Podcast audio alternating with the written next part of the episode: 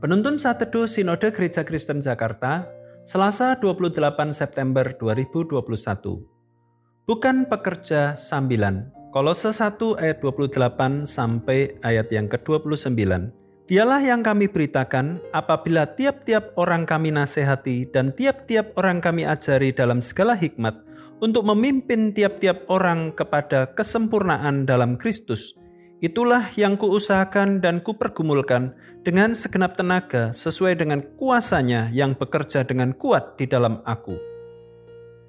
Dalam Kamus Besar Bahasa Indonesia, dijelaskan bahwa pekerjaan sambilan adalah pekerjaan lain sebagai selingan atau tambahan selain pekerjaan pokok.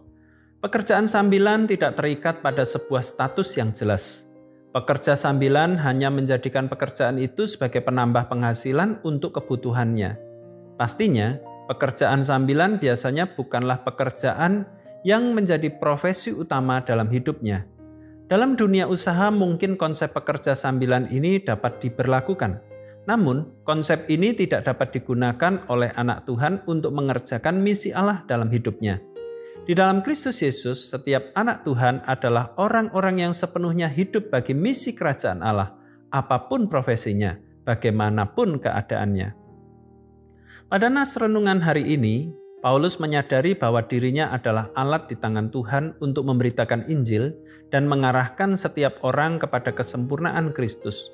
Kristus adalah rahasia berabad-abad yang telah dinyatakan di tengah-tengah umat Allah. Kristus adalah pengharapan akan kemuliaan. Karena itu, Paulus bergumul dengan luar biasa dengan segenap tenaganya untuk memberitakan Injil. Paulus memakai seluruh kekuatan hidupnya agar Kristus dapat diberitakan dan dihidupi dalam diri jemaat. Paulus bukan pekerja sambilan yang menjadikan Injil sebagai alat untuk memenuhi kebutuhannya. Paulus bergumul, Paulus mencurahkan seluruh tenaganya, Paulus memberikan hidupnya bagi misi Allah di dalam dunia.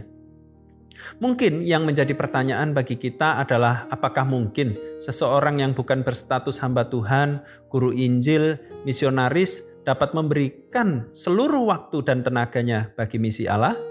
Jawabannya sangat mungkin. Pekerjaan, usaha, sekolah, karya, prestasi, keluarga, kesehatan, bahkan kesenangan kita bukan lagi untuk memuaskan kesenangan ambisi kita namun, semua itu dapat dipakai oleh Tuhan untuk memberitakan Injil Kristus kepada jiwa-jiwa yang Ia pertemukan dengan kita. Semua itu hanya untuk misi Allah.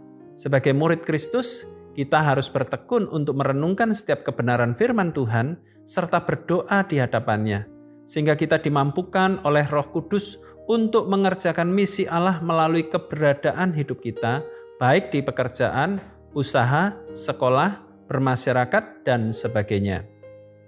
Biarlah jiwa-jiwa yang ada di sekitar kita melihat Kristus melalui perbuatan baik, integritas, kedisiplinan, dan hubungan kita yang baik dengan mereka.